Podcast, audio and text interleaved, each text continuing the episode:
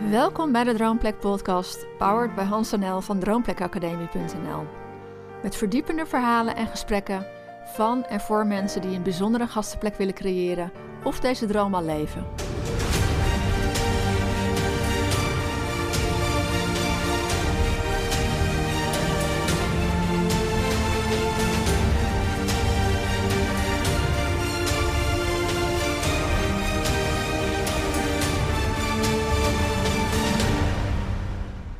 Gaat nu luisteren naar een droomplekgesprek van Hans NL. Dit is een spontaan gesprek over een aangenaam leven met gasten en over dicht bij jezelf blijven.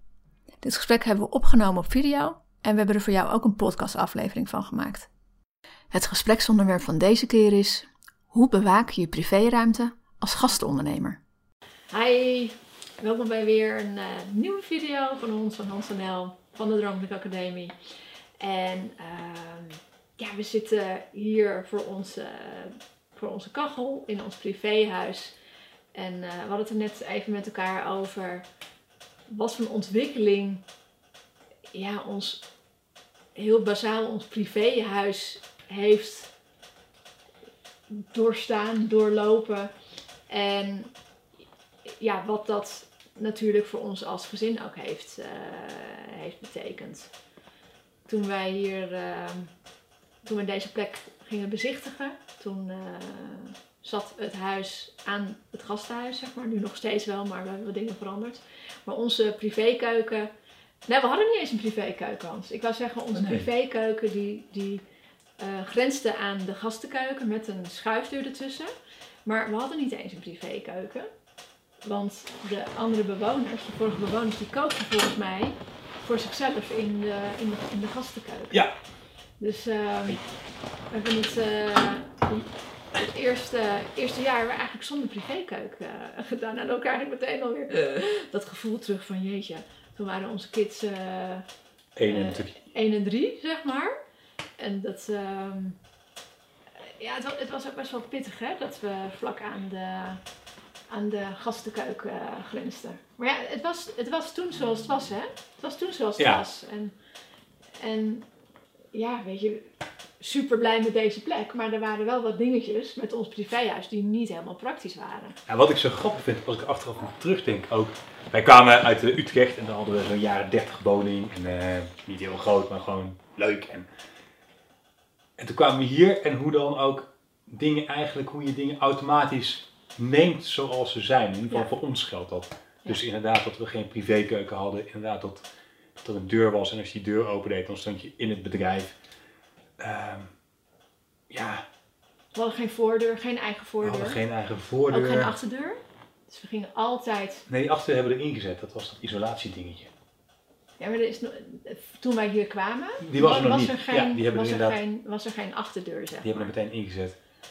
Dus wij, we gingen altijd door de deur waar onze gasten ook doorheen gingen.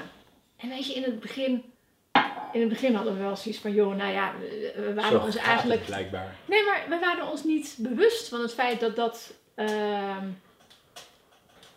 wat dat kon betekenen, zeg maar. Nee, eens. Hè?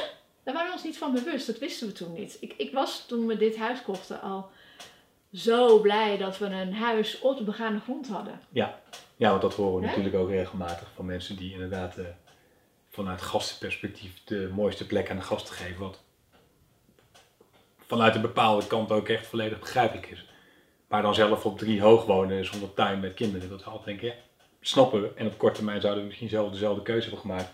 Wij zaten daar inderdaad al luxe dat we gewoon inderdaad een, een huis op begane grond met eigen stuk tuin. En, Dat was voor onze voorwaarde, weet je. Ja. Ik bedoel, misschien vinden andere mensen dat niet erg om, om dan drie hoog te zitten of twee hoog. Maar wij vonden het wel heel fijn om gewoon lekker naar buiten te kunnen, zeg ja, maar. eens. Dus weet je, die voorwaarde was voor ons eigenlijk al. eh, en het was een huis apart. Hè? Dus het, het huis, dit staat, het huis staat echt letterlijk tegen het grote huis aan. Het was niet in het huis. Hè? Dus er waren heel veel. Waren heel veel dingen die gewoon heel fijn waren in het huis. Maar ja, in de loop van de tijd merkten wij wel van joh, ja, altijd met je gasten door dezelfde voordeur. Ehm, ja, dat hebben we ons toen nooit gerealiseerd. Maar Nee, maar ik denk dat dat ook echt te maken heeft gehad met het proces wat wij hebben doorgemaakt bij het runnen van een gastverblijf. Weet je, wij waren natuurlijk nieuw in het, in het horecawezen. Ja. En ja, een van de zaken die we, ja, als ik dan voor mezelf spreek, heel erg geleerd heb, is die balans werk-privé, überhaupt balans. Ja. Maar ook scheiding werk en privé. En, Ja. en, en toen we daarmee begonnen, dan ben je helemaal niet, waren wij er helemaal niet mee bezig. In ieder geval ik niet. Weet je, je duikt in het avontuur en ja, en je gaat ervoor. Ehm, maar ook hier geldt natuurlijk in ieder geval ook weer voor mezelf. Dat je ja, op een gegeven moment. Nou, bij mij was de droom natuurlijk wel op een gegeven moment echt uit, uit. Dat kunnen, zoals ik in het boek beschrijf. Maar ehm, voor iedereen gaat op een gegeven moment die roze wolk voorbij. En ik had dan bijvoorbeeld inderdaad met weet je, iets heel simpels als geen eigen voordeur. Ja, dan ging ik eh, op zaterdag tijdens de wisseldag. eh, had ik vaak de verantwoordelijkheid voor de jongens. Had ik de luxe dat ik met ze ging skiën vaak. En dan kom ik thuis, ik kom op het parkeerterrein. En dan was ik echt nog in mijn gezins-papa-modus. Da- daar gaat het over. Het is niet dat je geen contact wil met Nee. je gasten, maar je zit in een andere modus. Precies, dan heb je, de hele dag had ik intensief met die mannen geskiet. En die mannen die waren misschien even een beetje op. En dan kwamen ze thuis en dan was je je skis aan het uitpakken en die auto aan het leeghalen. Gewoon even in de papa-modus van laat me maar even eh, vijf keer op en neer lopen. Want ik kan de jongens wel vragen of ze hun skis even in het hok zetten. Maar die zijn helemaal uitgeput, dus dan eh werkt het ook niet. Ja, want jullie skiën meestal helemaal door totdat jullie niet meer kunnen. hè? Tot, tot het gaatje. en dan kom ik gasten tegen. En wat jij zegt, weet je, het was helemaal niet dat ik gasten tegen, geen zin had om gasten tegen te komen. Maar ik zat op dat moment gewoon, had ik gewoon nog een andere pet op. Namelijk de pet van mijn vader die even zijn auto aan het leeghalen is. En dan moest ik toch altijd door die gastendeur. En, en had ik de gastenverantwoordelijkheid. Ik was gastheer. Ik, ik kon niet anders dan op dat moment gastheer zijn. Want dat is de rol die ik nou hun heb en had. En niet dat, dat ik, niet dat ik dat een moeilijke rol vind. Maar ja, je kunt niet op dat moment negeren. Wat je als gast misschien nog wel kunt doen. Weet je, of als, als buren. Weet je, dat je even denkt, nou, ik ben even met mijn ding bezig. En ik, eh, ik knik even en ik loop door met, met drie paar skis onder mijn arm. Ja, je kunt niet even onzichtbaar zijn en, en, en dan weer terugkomen als je je gastenpet op hebt. Precies, ja, dat is wel mooi. Ja. Terwijl je af en toe gewoon wilde ik gewoon even onzichtbaar zijn. Want ik Ja. was ook nog eh, helemaal bezweet. En, eh, Dan wil je gewoon met een onzichtbare auto, een onzichtbare kinderen en onzichtbare skis. ja, Wil je het terrein op komen rijden en even onzichtbaar naar binnen. ja, En dan op het moment dat, het, dat, dat je er klaar voor bent, hè, dat je dan weer zichtbaar wordt en, en je gastenpet op kan zetten. Ja, want voor mij was het moment dat ik me aan de gasten liet zien, was ook altijd wel even. Ik, ik denk dat ik een goede gastheer ben en ik ben goed met mensen, maar ik vind het nog steeds, nog steeds altijd spannend om in een nieuwe groep mensen mezelf te laten zien. Om daar even acte de présence te geven. Deze, deze bewaren we ook even voor een, andere, voor een andere, ander gesprek. Oké. Dit, dit, dit heeft met gastvrijheid en, en hoe je jezelf daarin beweegt eh, te maken. Dus die, die bewaar ik Ja, dan gaan we terug naar onze privéwoning. bewaar ik even. Nee, maar het is interessant, want het is leuk hoe we in deze gesprekken elke keer ook de andere terreinen aanraken. Ja. Want er is zo ontzettend veel over te vertellen. Ehm, maar dan doen we, dan doen we die, die deur doen we even dicht. nee, nee, het is, het, is, het is gewoon super, super. Ik bedoel, hier kunnen we wel uren over praten. Ja, Het, eh, dat, dat is een haakje die, die, die onthouden wij eventjes. Dus we hebben ehm, een jaar lang geen eigen keuken gehad. Ja. In de tweede zomer hebben we denk ik een achterdeur laten maken. ja, En pas in het zesde jaar ja, zijn wij gaan verbouwen. Ja.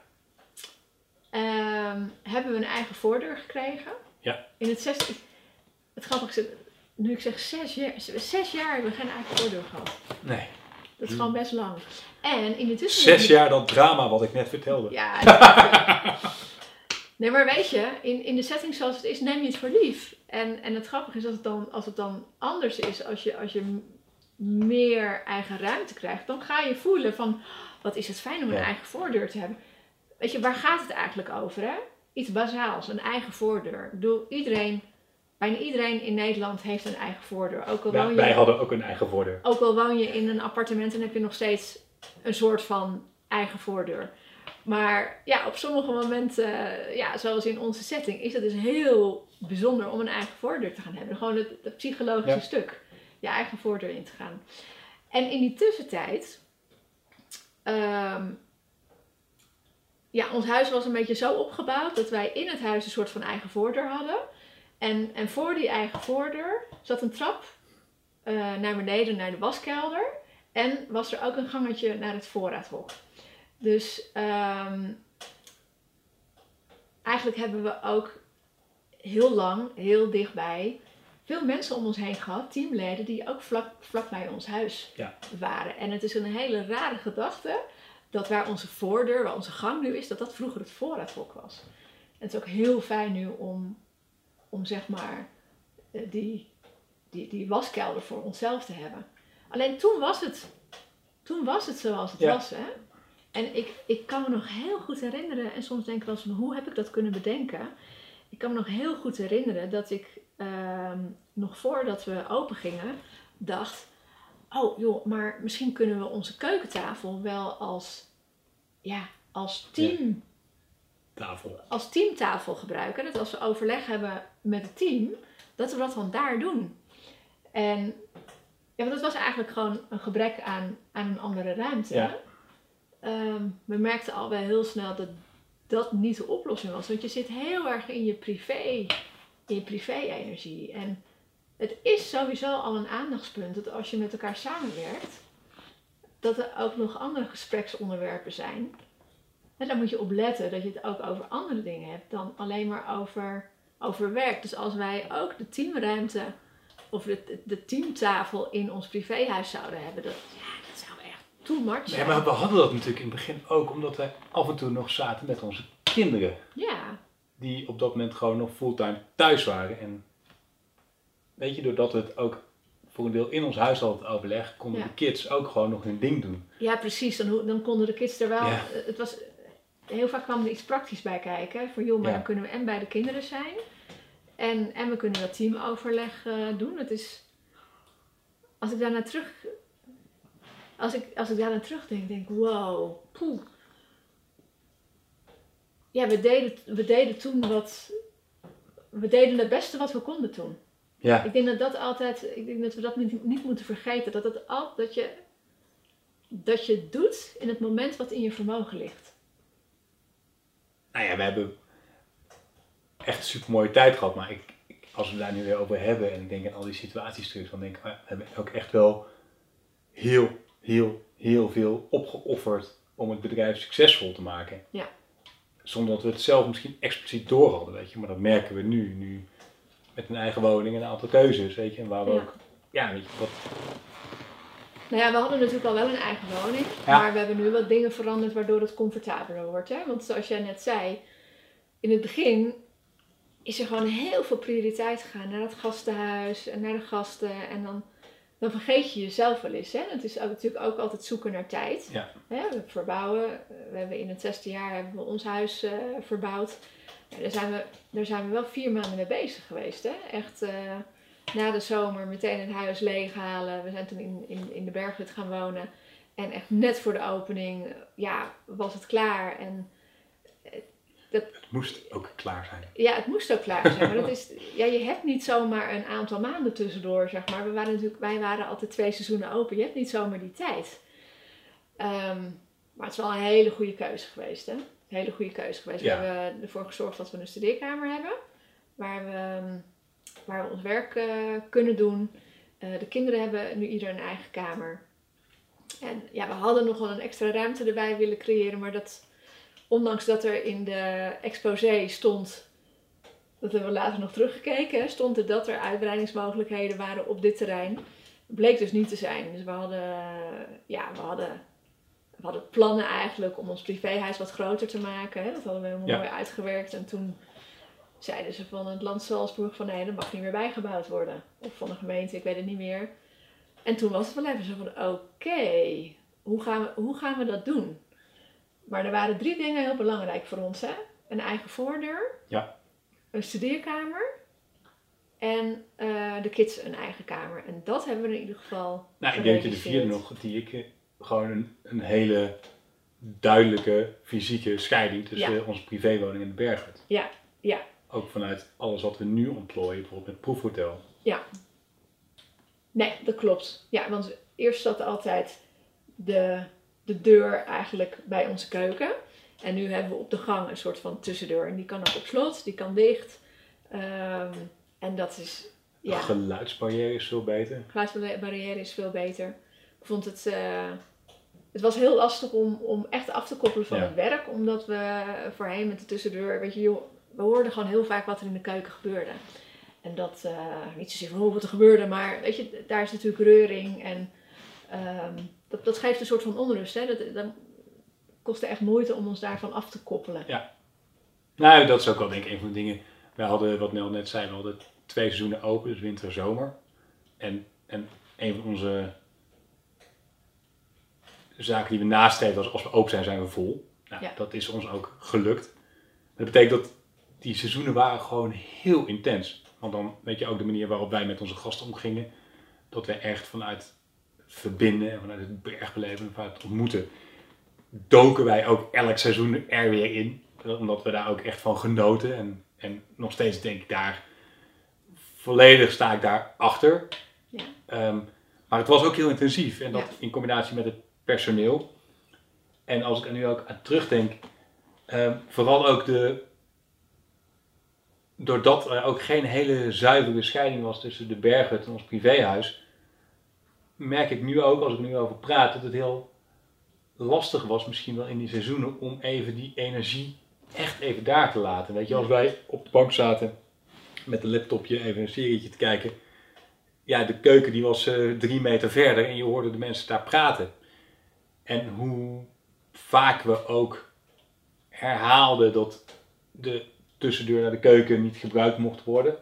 En dat we dan liever geappt werden, weet je. Als het dan echt even de nood aan de man was, dan werd er weer op die deur geklopt. En dan, dan stond er weer, weet je, en dan konden die mensen niks aan doen. Want je, was gewoon even hoe het was. Maar dan, dan stond er weer feitelijk iemand in je privéwoning.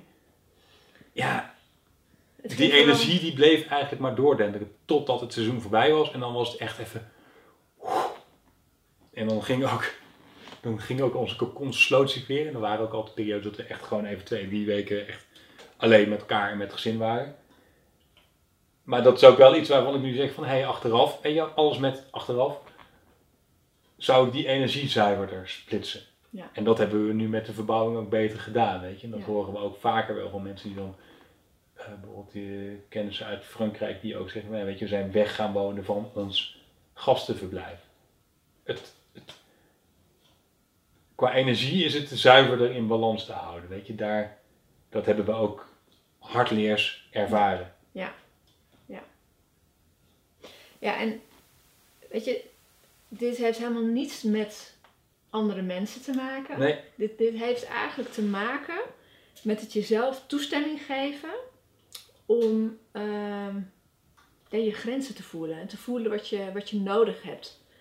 En dat is eigenlijk ook wat we in onze trainingen ehm, mensen mee proberen te geven om, om scherp te krijgen wat je nodig hebt. Want voor je het weet, we willen alles voor onze gasten. Dat, we, dat, vinden we ook heel erg belangrijk. Maar, maar jij, bent, jij bent ook belangrijk. En ehm, ja, voor je het weet, voor je het weet, ehm, ja, lo- loop je leeg. Nou, wat ik daar wel interessant vind, en dat, dat noemen we altijd dan bewust onbekwaam. En dat is denk ik wat wij proberen op veel vlakken. Dat we mensen, weet je, wij waren gewoon onbekwaam, want ja, wij kwamen uit Nederland eh, en we gingen naar Oostenrijk. En, en het verhaal wat we net vertelden, dat was gewoon, ja, we hebben het gewoon ervaren en we waren onbekwaam.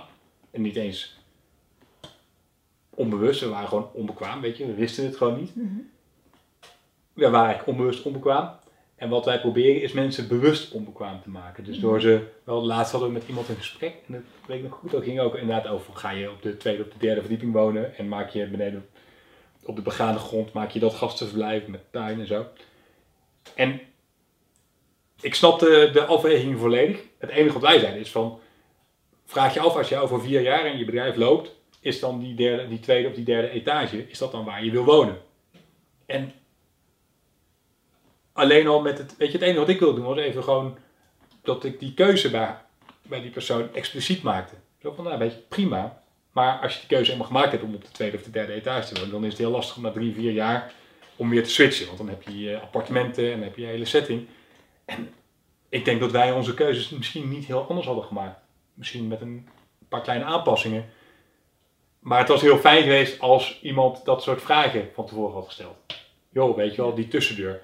Zou je dat niet echt vanaf meteen, vanaf dag één, gewoon een fysieke deur maken met een slot erop? Of ehm, met de buitendeur of met een aantal verbouwingskeuzes. Weet je, nu zei uiteindelijk jouw moeder, die zei op een gegeven moment, ja, je moet nu echt wel een keer gaan verbouwen, want anders zijn daar kinderen groot, heeft helemaal geen nut meer. Nou ja, ze zei niet moet, maar Nee. ik, we hadden het er met elkaar over van joh, we hebben plannen. Toen zei ze joh, wacht daar niet te lang mee. Want weet je, nu heb je er nog profijt van, nu zijn de kinderen nog thuis. Ja, En over een aantal jaar maak je misschien andere keuzes met de verbouwing. Omdat de situatie ja verandert maar ze maakten ons in ieder geval even heel bewust van, hé, hey, weet je, dit is wel het moment Ja, om er in ieder geval even goed over na te denken. En of, ze, of je het nou doet of niet, weet je, dat was ook helemaal niet tot ze daar inderdaad dwang op zetten. Ja. Maar ik denk dat is, dat, dat had, dat is achteraf waarvan ik zeg, ja, daar had ik, daar had ik misschien nog wat meer, weet je, dat had mij geholpen. Nou, en wat het mooie is, is, weet je, wij, wij kijken nu natuurlijk terug, hè. En ehm, achteraf zijn dingen altijd veel makkelijker, zijn dingen veel makkelijker te verklaren. Ja, dan zie je het plaatje. is, je ziet het plaatje, het is de koe in de kont kijken. Ik kijk nu ook inderdaad letterlijk op de koeien die bij de buurman eh, in de wei staan. Het is de koe de kont kijken. Eh, je, je doet in de drukte, in de heftigheid van het moment, doe je wat op dat moment het beste, het beste lijkt. En, en, en, en doe je wat in je vermogen ligt. En dat, ik denk dat we dat we kunnen met z'n allen ehm, heel snel kritisch zijn over hoe we Mhm. dingen vroeger hebben aangepakt. Misschien herken je dat als, eh, als kijker of luisteraar ook, dat je, dat je kritisch bent. Maar op dat moment deed je wat het, wat het beste was. Ja. Ehm, heb je ook niet de wetenschap van nu. Eh, en tegelijkertijd, ja, hoe waardevol is het om de ervaring die wij nu delen mee te kunnen nemen? Ja, eens. Dus dat, dat, dat vind ik mooi in het gesprek, om dat beide naast elkaar te laten bestaan. Zeker. En ehm, Er zit ook van geen, elkaar te leren. er zit wel nog, als ik er nu over praat, zit er nog, ja, voor een deel zelfs wel op een bepaald punt echt wel onverwerkte energie. Dat ik echt denk, van, oh ja, dat was inderdaad wel echt heel heftig. Maar er zit eh, geen, eh, geen, geen kritiek naar mezelf of naar ons over verkeerde keuzes. Nee, we hebben keuzes gemaakt zoals we die op dat moment dachten dat ze goed waren. Nee, absoluut. Ja. Maar het is meer, we kunnen soms wel, of het nou over een verbouwing is, een privéwoning of iets anders, kunnen we natuurlijk eh, kritisch. Ja. Wij als mensen kunnen kritisch zijn over keuzes die we eerder Ja. gemaakt hebben. Maar ja, die we met de beste intenties op het moment zelf zo gemaakt hebben. Ja. En ehm, Nou ja, dat, dat wat ik zeg, daar. Daar. Of wij hadden misschien stiekem nog wat meer met mensen moeten praten die ook het al gedaan hadden en daar onze leerles uit moeten trekken. Ehm, dat had ons misschien geholpen. maar het stomme was, wij wisten, het, wij wisten toen niet dat ehm, Nee. Wij wisten toen niet wat het krachtenveld is tussen eh, wonen als gezin bij je bedrijf. Ja. Dat wisten wij toen niet. Nee. Dus wij wisten toen niet dat we daar Een vraag hadden. een vraag hadden. Nee. Nee, We dus het was fijn weten- geweest als iemand eh, ons die vraag eh, had gesteld. Ja, en dan is het nog de vraag of we daarnaar geluisterd Ja, hadden. want het was geen pijnpunt. Want het was, we wisten op dat moment nog niet dat het überhaupt ehm, inderdaad een ding zou zijn. Nee, eens. En dan hadden we nog de vraag gehad of we er iets mee hadden gekund. Dus Ja. het is een interessante, interessant Ja. krachtenveld.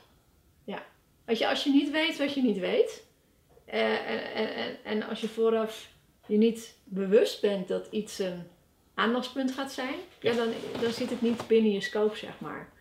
Ehm, nou misschien heb je zelf ook kinderen, misschien niet. Maar zelfs ook met z'n tweeën is het gewoon natuurlijk belangrijk om, eh, om voldoende energie, ruimte voor jezelf te hebben. En ook als je alleen bent. Ik bedoel, dat geldt eigenlijk, eigenlijk voor, voor iedereen. Ja. Dat je voldoende ehm, ruimte hebt om je, om je echt terug te trekken. Dat, dat hebben wij wel geleerd. Ja. Ja. Nou ja, wat jij zegt. Het, het interessante is dat het zelfs... Je hebt eigenlijk een aantal... In ieder geval, ja, wij. We hadden gasten, we hadden personeel.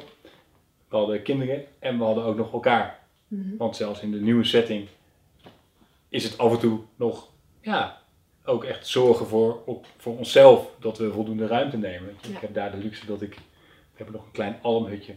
Ja, en af en toe vind ik het heerlijk om daar gewoon even heen te gaan. Even alleen maar in mijn ik-energie. Ja, om daar gewoon bewust mee bezig te zijn. Ja. Ja. Leuk om zo even terug te kijken op die, ja, op dat, dat het, het fysiek. Eigenlijk gaat het over het fysiek.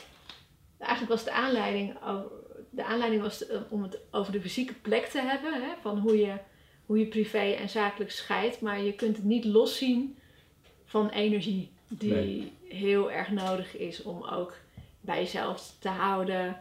Bewust om hem vervolgens ook weer te kunnen delen. Dus leuk, leuk om het hier zo even over gehad eh, te kunnen hebben. Ja. Ja.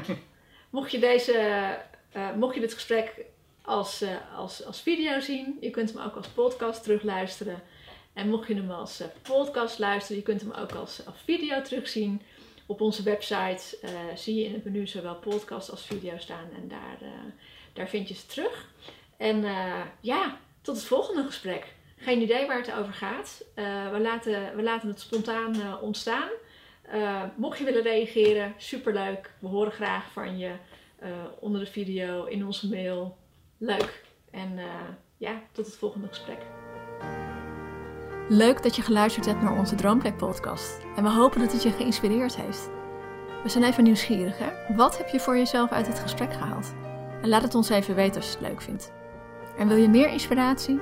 Volg ons dan op Facebook of Instagram of geef je op voor onze volgende gratis live online training via droomplekacademie.nl/gratis.